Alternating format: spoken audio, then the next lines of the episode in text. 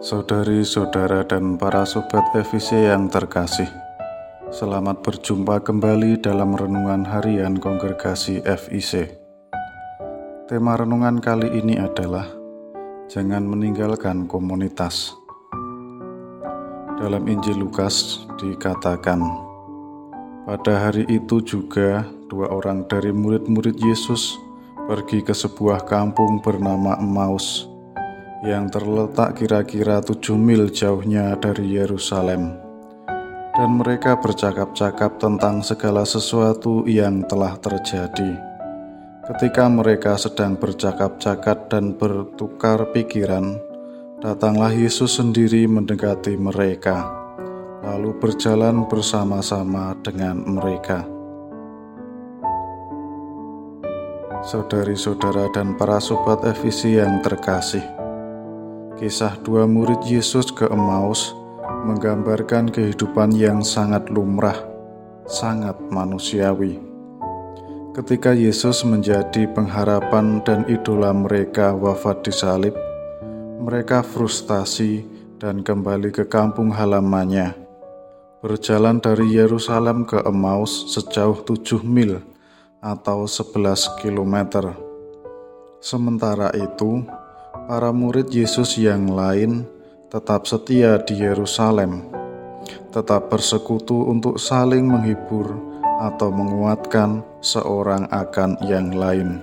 Setelah peristiwa yang sangat mengguncangkan kepercayaannya, Yesus menegur kedua murid atas ketidaksetiaan mereka dengan meninggalkan persekutuan di Yerusalem.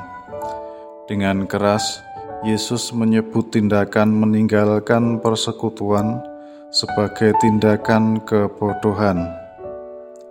Hai kamu orang bodoh, betapa lambannya hatimu, sehingga kamu tidak percaya segala sesuatu yang telah dikatakan para nabi.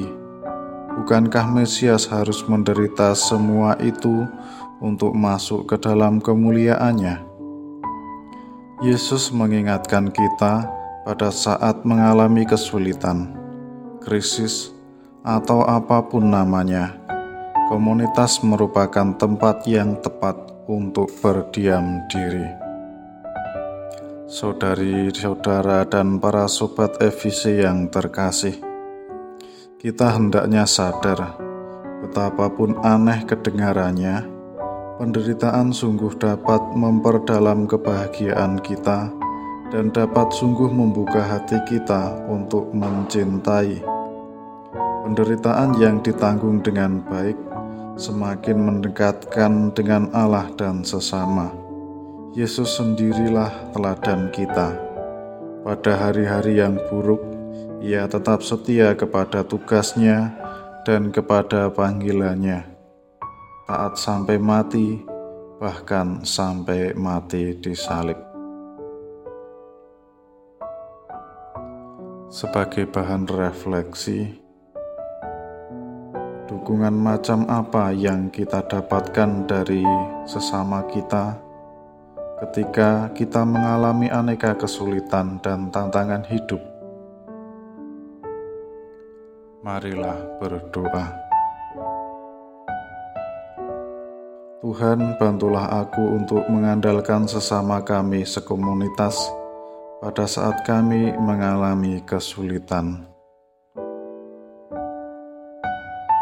Saudari-saudara dan para sobat EVC yang terkasih, sebagai pengutusan, marilah kita membuka diri kepada komunitas kita dalam menghadapi aneka persoalan hidup kita.